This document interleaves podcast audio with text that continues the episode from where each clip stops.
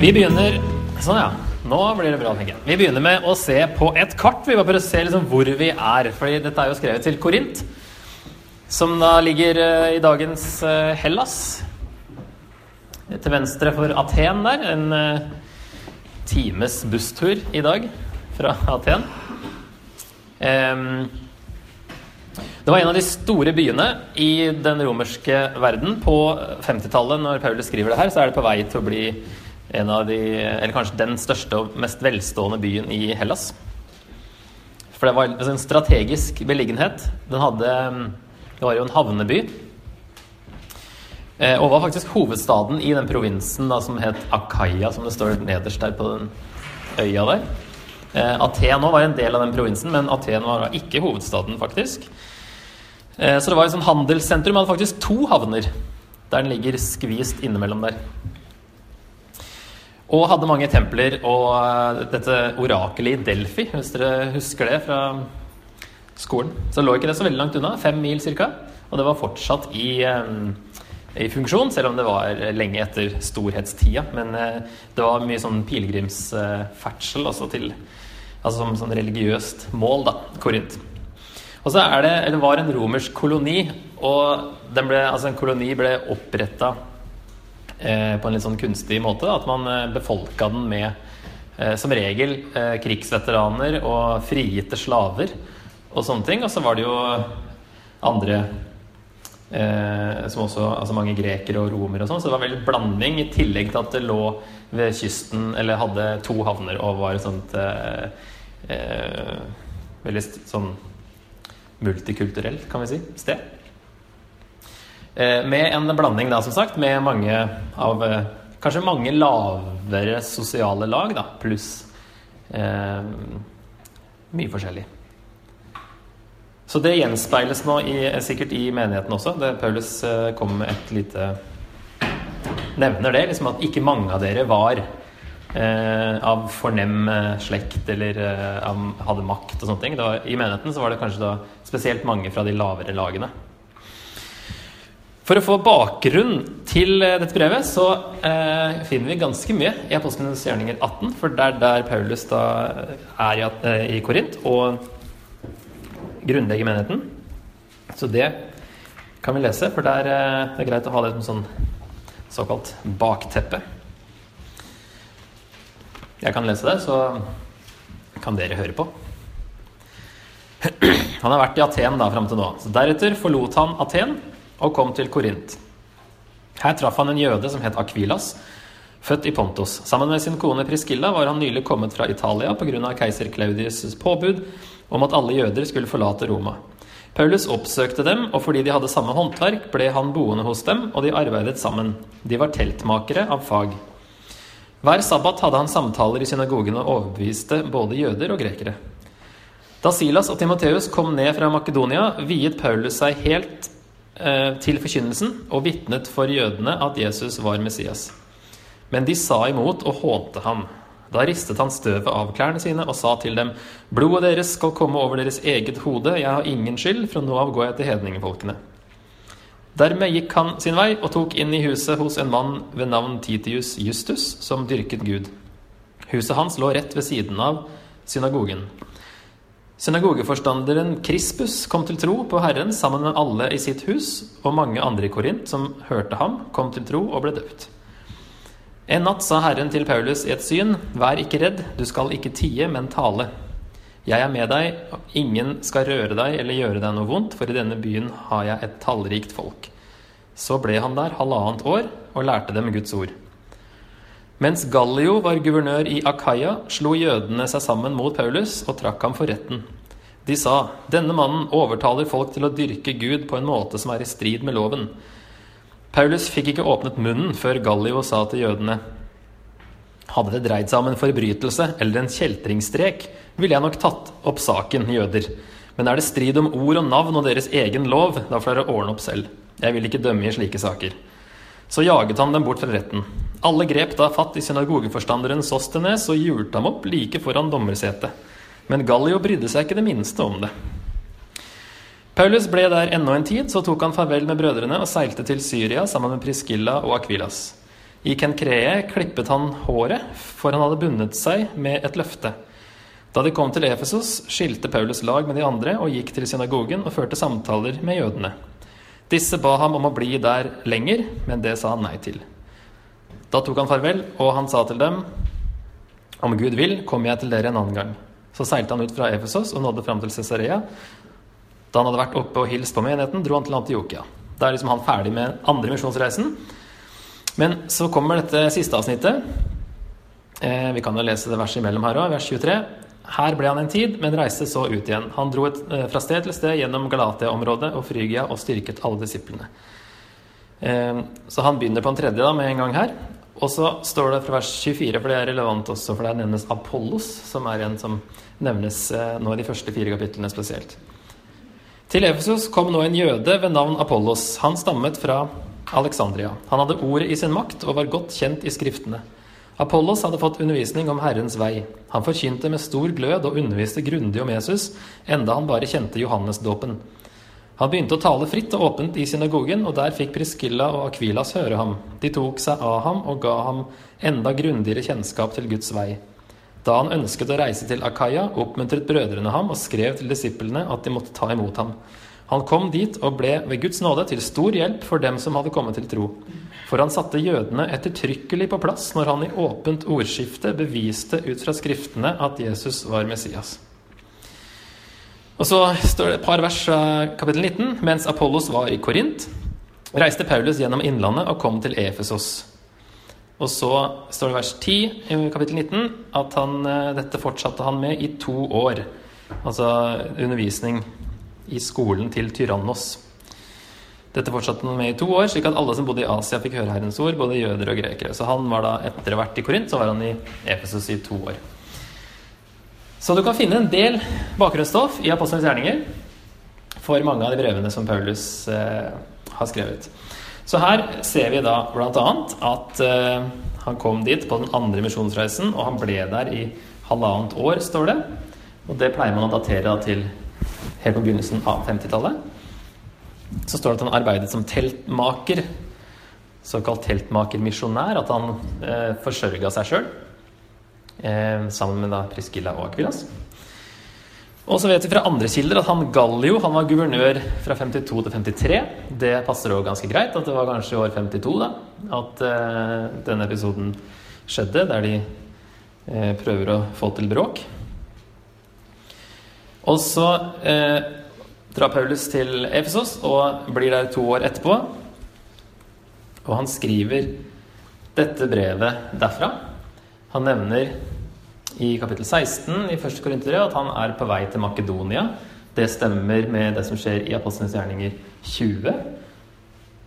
Og han er sammen med Akvilas og Priskilla. Um,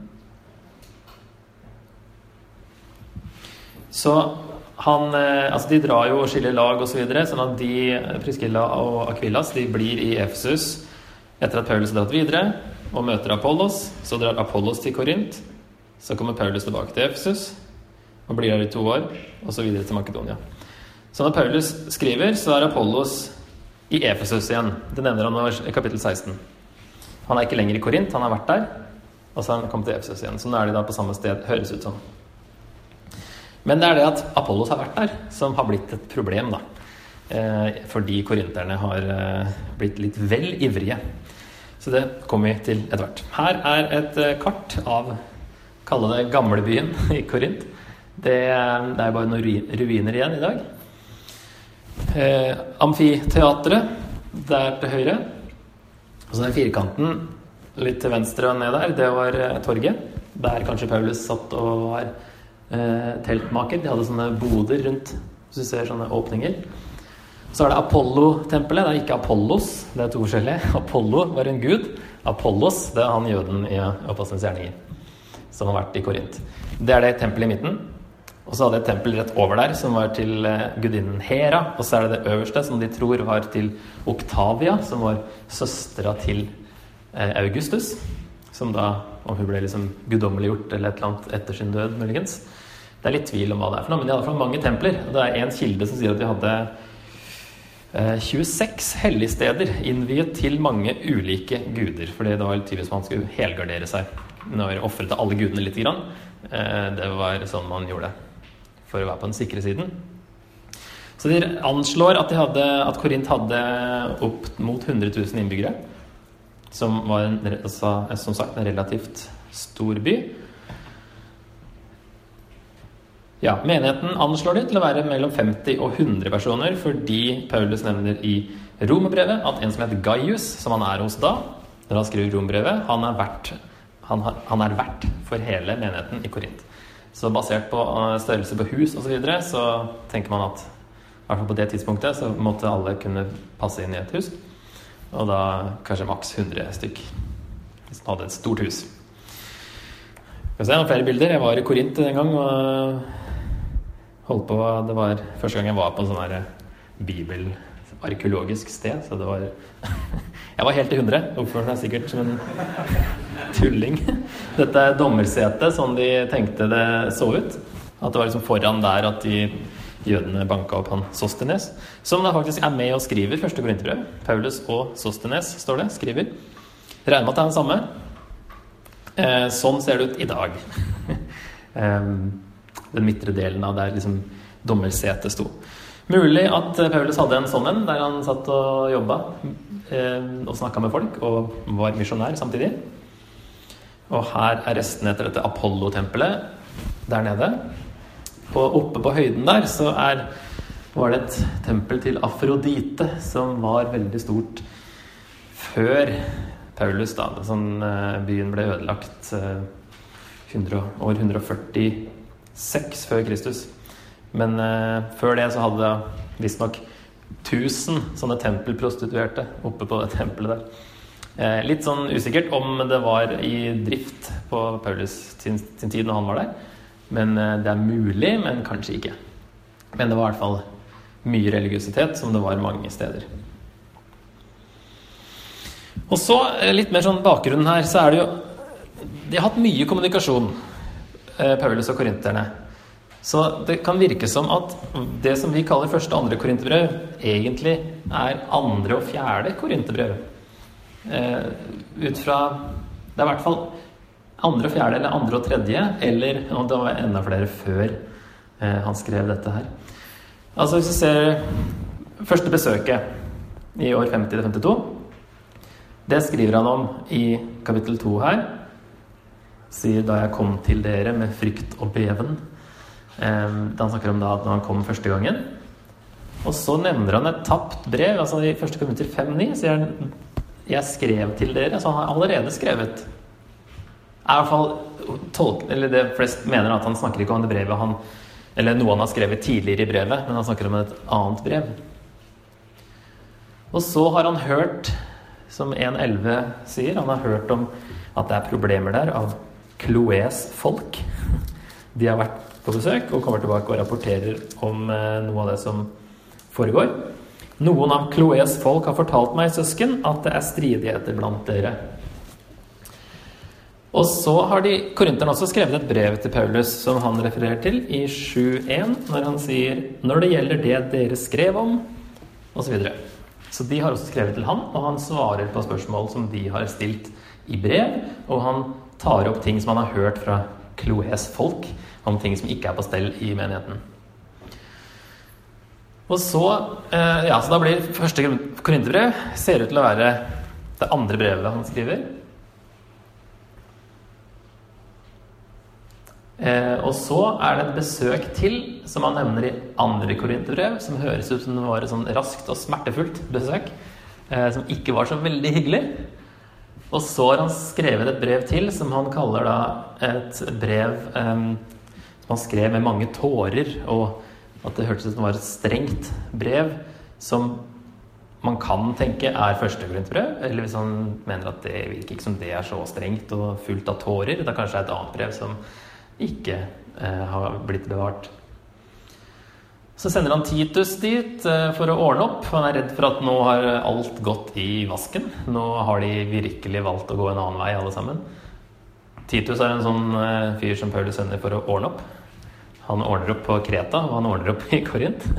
Så han kommer tilbake og sier at eh, nei, nå er alt bra. De, nå liker de deg igjen, liksom.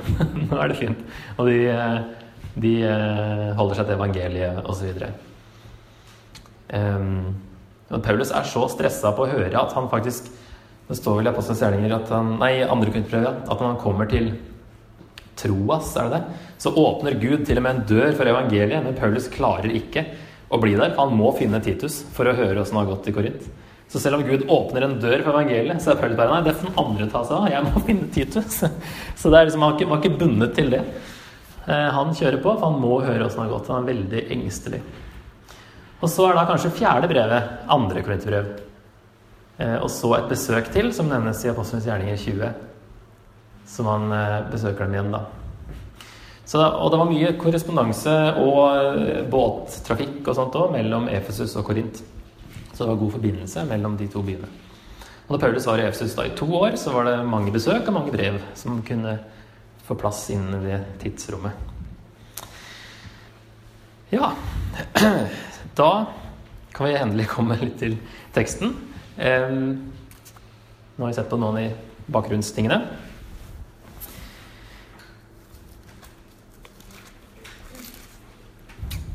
Vi prøver som vanlig da, å lese alt, selv om eh, vi ikke får tid til å snakke om alt. Paulus, som etter Guds vilje er kalt til Kristi Jesu apostel, og vår bror Sostenes, hilser Guds menighet i Korint, dere som er helliget i Kristus Jesus og kalt til å være hellige, sammen med alle som hver på sitt sted påkaller vår Herre Jesu Kristi navn, Han som er deres og vår Herre. Nåde være med dere og fred fra Gud vår Far og Herren Jesus Kristus. Og når vi vet litt hvordan, eh, hva slags problemer Paulus kommer til å ta opp her, så er det egentlig en sånn bra positiv start. Da, at han sier at de er helliget i Kristus og kalt til å være hellige. Eh, da har vi sånn, for det første en sånn allerede ennå ikke-sak. De er hellige, og samtidig kalt til å være hellige. Eh, men det at han da De er fortsatt innafor. Han kaller dem hellige, og de er helliget. Eh, selv om de er skikkelig på tur på mange områder. Så velger Paulus å inkludere dem, da. De er fortsatt på riktig side, sånn sett. Jeg takker alltid min Gud for dere, for den nåde Han har gitt dere i Kristus Jesus. I ham er dere blitt rike på alt, på all lære og all kunnskap. Vitnesbyrdet om Kristus har da også fått sikkert feste hos dere. Derfor mangler dere ikke noen nådegave mens dere venter på at vår Herre Jesus Kristus skal åpenbare seg. Han skal også grunnfeste dere helt til enden kommer, så dere kan stå uten å bli anklaget på vår Herre Jesu Kristi dag. Gud er trofast, Han som har kalt dere til fellesskap med sin sønn Jesus Kristus, vår Herre. Dette er da åpningen eh, i brevet, som han også Når man skal holde sånn eh, retorisk tale, så var det også sånn åpning. Der man, eh, Poenget var da å touche innom mye av det som eh, talen eller brevet kom til å handle om. Eh, og samtidig oppnå godvilje hos lytterne. Eh, og Paulus er på en måte indirekte her, for han på en måte gir all æren til Gud, men likevel smisker litt med dem. Når han sier da eh, f.eks.: I ham er dere blitt rike på alt, på all lære og all kunnskap. Det er faktisk blitt så mye at det har bikka over, men det, det, kommer han til senere. Men han begynner liksom med at ja, dere har, dere har mye lære, mye, mye, kunnskap, eller tale, står det i noen eh, oversettelser, for lære. Eh, for det han kommer til, med talekunst, retorikk, som da de hadde blitt for opphengt i. Men eh, ja, altså, jeg takker alltid min Gud for dere, for den nåde han har gitt dere. Kanskje de kommer til å trenge nåden etter at han er ferdig med dette brevet.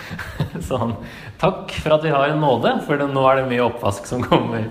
Så det er en bra start. Kunnskap det er jo det greske ordet gnosis, og det er noe som tyder på en sånn tidlig form for gnostisisme i menigheten her, som kommer i kapittel 8. Det er mulig han er innom det her.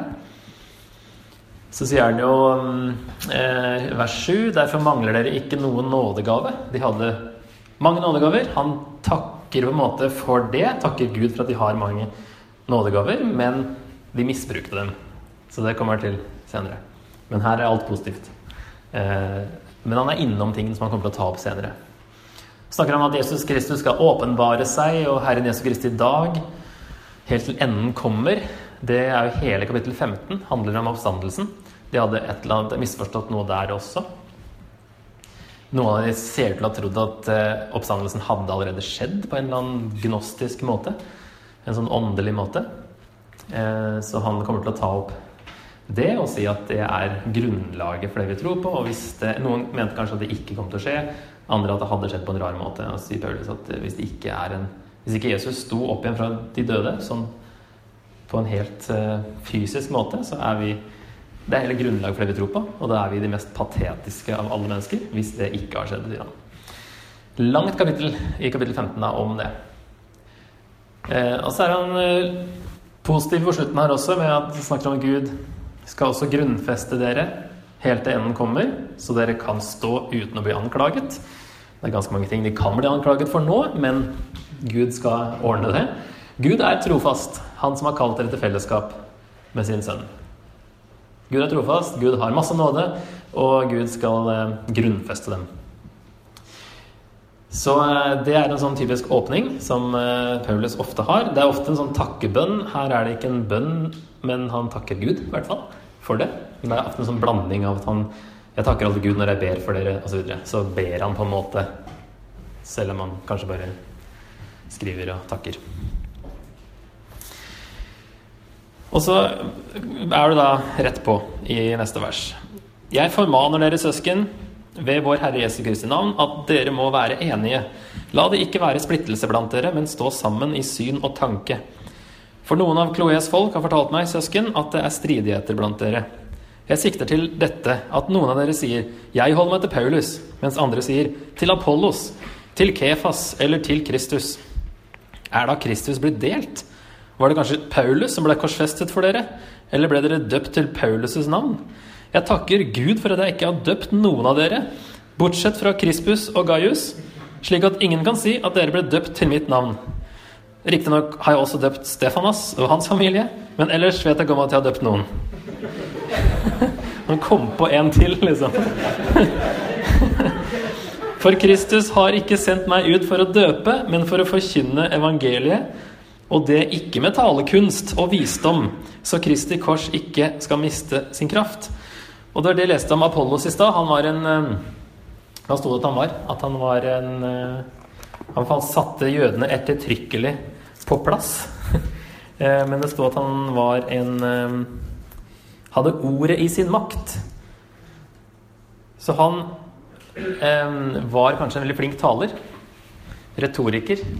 Og de som likte sånt, de hadde blitt veldig fascinert av Apollos. Eh, det er mest Paulus og Apollos det handler om, men han nevner da Kefas, som da er Peter. Og så når han sier eh, noen holder, eller 'jeg holder meg til Kristus', så er det kanskje sånn for å eh, overdrive litt. De visste nok det, at det var Kristus som var han som hadde blitt korsfesta og dødd og stått opp. Men at han tar med Jesus også der som en sånn Bare for å gjøre det hele litt absurd at de har hengt seg så opp i mennesker. Og Paulus sier nå etterpå at han med vilje valgte han å ikke Eller han sa vel det i siste verset vi leste. Det å ikke gjøre det med talekunst. Eh, og det ikke med talekunst og visdom, så Kristi kors ikke skal miste sin kraft. Så med vilje så gjorde ikke han det på en sånn retorisk fin måte som det var vanlig å gjøre det. Fordi han ville ikke at det skulle være fokus. Han ville var enkelt og greit budskap. Og så kom Apollos og var kanskje ikke klar over at Paulus hadde valgt det å gjøre på den måten, og han la det fram på en, en finere måte. Flinkere sånn sett, med talekunst. Det er jo noe som tyder på i andre korintere at Paulus han blir iallfall beskyldt for å være eh, sterk i brevene og svak når han er der i person. At han skriver kanskje veldig bra, men ikke like flink til å tale. Det er mulig at det var noe i det. Men uansett så er det med vilje at han legger det helt bort. I hvert fall i Korint. Kanskje fordi han visste at typen mennesker de var, så var det bedre å ikke gjøre det. Eh, men Apollos da, han har ikke gjort noe gærent. Det, Paulus sier i slutten av i første Korintbrev her at han eh, han har sendt Timoteus til dem. Det er kanskje Timoteus som har med brevet. Og så sier han eh, når det gjelder vår bror Apollos i 1612 har jeg bedt ham inntrengende om å reise til dere sammen med brødrene, men han er slett ikke villig til å reise nå. Han kommer så snart han får anledning. Det er mulig at Apollos ville bare holde seg langt unna en stund eh, pga. bråket som hadde skjedd fordi han hadde vært der. Slett ikke villig til å dra. Eller at han var opptatt med noe annet. Det står at han ikke hadde anledning. Men han spekulerer litt i om det var Han ville ikke akkurat nå, i hvert fall. Ja. Da eh, skal vi se. Vi leser neste avsnitt, så kan dere få snakke litt. Dere sitter jo så fint i grupper allerede. Nå kommer det et veldig viktig avsnitt, eller fra vers 17 eh, som vi leste, og så ut kapitlet. Det her blir veldig sånn kjerne. Så vi leser en gang til fra, fra 1.17. For Kristus har ikke sendt meg ut for å døpe, men for å forkynne evangeliet, og det ikke med talekunst og visdom, så Kristi kors ikke skal miste sin, sin kraft. For ordet om korset er dårskap for dem som går fortapt, men for oss som blir frelst, er det Guds kraft. Det står jo skrevet:" Jeg vil ødelegge de vises visdom, og de klokes klokskap vil jeg gjøre til intet. Hvor er da de vise? Hvor er de skriftlærde? Hvor er denne verdens kloke hoder? Har ikke Gud vist at verdens visdom er dårskap? For da verden ikke brukte visdommen til å kjenne Gud i hans visdom, besluttet Gud å frelse dem som tror ved den dårskapen som vi forkynner. For jøder spør etter tegn, og grekere søker visdom, men vi forkynner en korsfestet Kristus. Han er en snublestein for jøder og dårskap for hedninger. Men for dem som er kalt, både jøder og grekere, er Kristus Guds kraft og Guds visdom. For Guds dårskap er visere enn menneskene, og Guds svakhet er sterkere enn menneskene. Se på dere selv, søsken, dere som ble kalt, ikke mange vise etter menneskelige mål, og ikke mange med makt eller av fornem slekt. Men det som i verdens øyne er dårskap, det utvalgte Gud for å gjøre de vise til skamme, og det som i verdens øyne er svakt, det utvalgte Gud for å gjøre det sterke til skamme. Ja, det som i verdens øyne står lavt, det som blir foraktet, det som ikke er noe, det utvalgte Gud for å gjøre til intet det som er noe, for at ingen mennesker skal ha noe å være stolt av overfor Gud. Dere er Hans verk i Kristus Jesus, Han som er blitt vår visdom fra Gud, vår rettferdighet, helliggjørelse og forløsning, for at den som er stolt, skal være stolt av Herren, slik det står skrevet. Ok, Da er det fire sånne spørsmål. Bare observasjon. Hva sier teksten om altså Hva sier Paulus om dårskap? Han nevner, nevner det ganske mange ganger. Hva er det som kalles dårskap her? Hva sier han om verdens visdom? Hva er evangeliet for den som blir frelst, eller den som er kalt? Det er for så vidt det samme, men to uttrykk han bruker. Og hvorfor valgte Gud å frelse ved korset? Så kommer vi litt inn i teksten ved å prøve å finne svar på de spørsmålene i gruppene som dere sitter. Okay? Skal vi ta resten sammen? Går det bra? Var det vanskelig? Det er ikke den letteste teksten av Paulus, det her. Hva sier Paulus om dårskap? Han nevner det seks ganger, tror jeg. Verdens visdom. Verdens visdom er dårskap for Gud. Eller Gud har vist at verdens visdom er dårskap, i vers 20. Evangeliet er dårskap for de som ikke tror. Yes. Evangeliet er dårskap for de som ikke tror. Og han nevner altså at Gud frelser ved den dårskapen som vi forkynner. Det er altså da evangeliet. Eh, en korsfestet Kristus er dårskap for hedninger. Eh, han sier jo at det er en, det er en eh, hva han sier, snublestein, står det? Snublestein for jøder og dårskap for hedninger. Altså det En korsfesta Messias for jøder det var jo en selvmotsigelse. Jo, han skulle jo komme og redde dem fra romerne. Og hvis han liksom ble korsfesta av romerne eh, For det første døde på den minst eh, ærefulle måten som fantes, eh, og som da tatt døde, det var jo bare Messias. Det, det, betyr noe helt annet liksom, for jødene. Så det, det gikk ikke. Eh, og for eh, grekerne, eller hedningene, at det er dårskap. At det var latterlig å følge en som hadde dødd på den måten. Det er bare nei, For en latterlig religion, liksom. Så det, det, er liksom det det ligger i det. At det, det, var ikke noe mindre latterlig den gangen Det er ikke sånn at man da Og ja, jo, folk eh, står opp fra døden innimellom. Det, liksom, det kan vi tro på. Det var like latterlig å tro på det da som nå. Eh, og det er Paulus prøver å si her. Det er, det er dårskap for de som, de som går fortapt, av de som ikke tror. Så sier han Guds dårskap er visere enn menneskene. Når vi tenker liksom at ja, sikkert evangeliet han mener, da. Det, verset ut av sammenheng så begynner man å tenke liksom, fins det dårskap i Gud? Det er ikke det det betyr. I konteksten så har dårskap fått en definisjon, og det er evangeliet. Når det er snakk om den dårskapen vi forkynner, eller Guds dårskap, da, som er visere enn menneskene. Og Gud utvalgte det som var dårskap, med en hensikt. Hva sier han om verdens visdom? Vi får et par på det òg. Sånn utover at det er dårskap. Litt mer. Yes, han siterer Gammeltestamentet. Det er vel, skal vi se, fra Jesaja 29. Jeg vil ødelegge de vises visdom, og de klokes klokskap vil jeg gjøre til intet.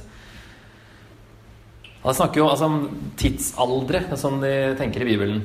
Når vi står når vi, Det vi leser ofte som evigheten, eller denne verden, så er det egentlig denne tidsalder og tidsaldrenes tidsalder.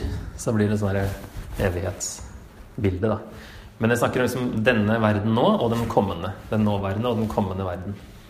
Så når denne verden går under med Jesu gjenkomst, så skal de, de vises visdom bli til intet. I hvert fall da. Og Gud har vist allerede at det er dårskap fordi du kan ikke bli frelst ved denne visdommen.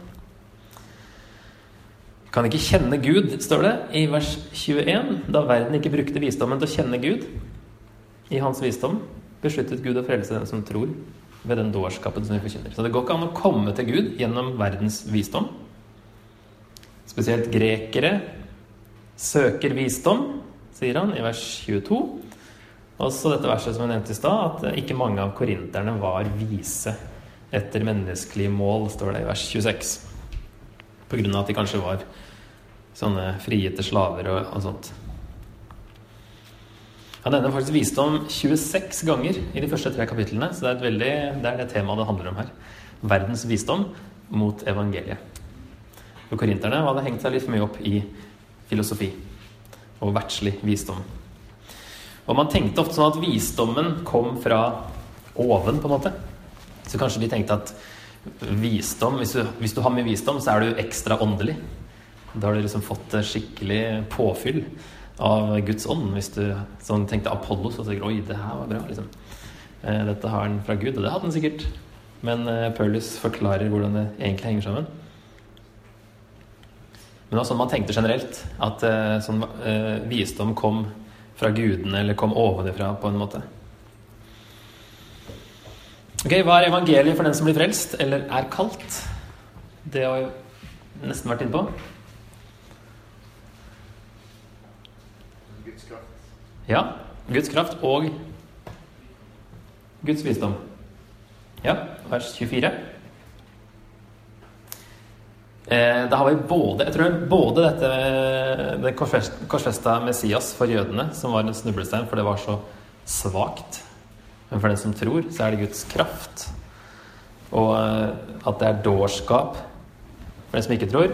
Men for den som tror, så er det Guds visdom. Det er det motsatte. Så det, det, virker helt motsatt på verden enn det det er for oss som, som tror.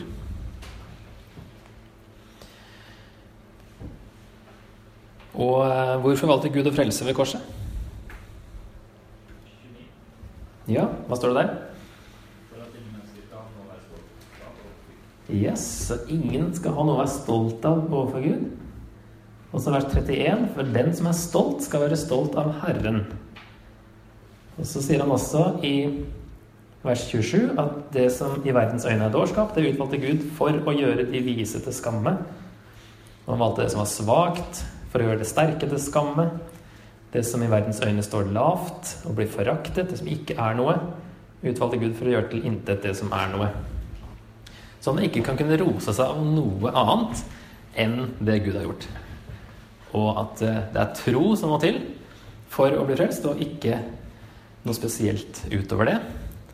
Noe sånn eh, åpenbaringer eller spesiell visdom eller noe sånt. Og Jesus er blitt vår visdom fra Gud, sier han i vers 30. Det er den visdommen vi trenger.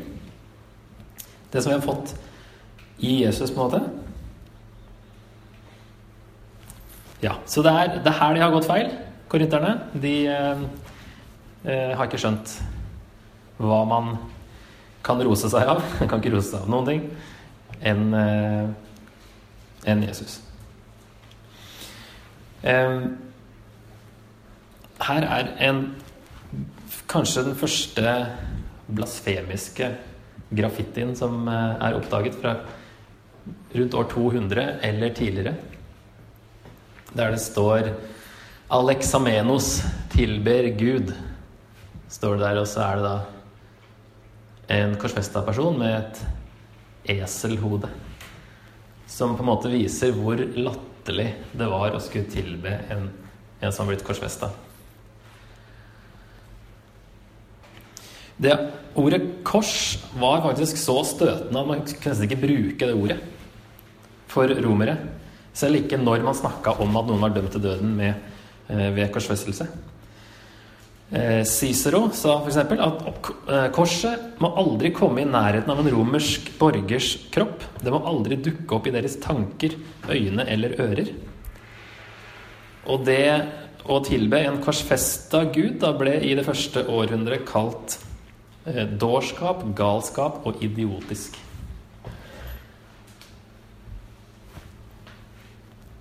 Og de første kristne ble kalt villedede skapninger. Og kristendommen ble kalt en fordervet og overdreven overtro. Fordi man ikke hadde skjønt det. Det var dårskap, og det var helt idiotisk. Og kirkefedrene ville faktisk ikke at man skulle avbilde korset i kunst. Helt til etter keiser Konstantin på 300-tallet. Da ble det litt mer stuerent symbol, men før det så var det ikke noe positivt med et kors. Så det er ikke rart det var et anstøt og en eh, snublestein og dårskap når det var akkurat et kors. Det symboliserte så annerledes den gangen enn det det gjør i dag.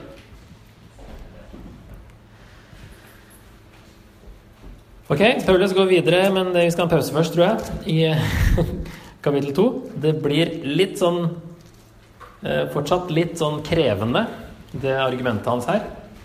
Så jeg tror vi kommer til å holde oss mest i kapittel 1 og 2. Vi prøver å få lest gjennom kapittel 3 og 4 etterpå. Så vi tar en pause. Eh, vi kan ta til nesten kvart over, da.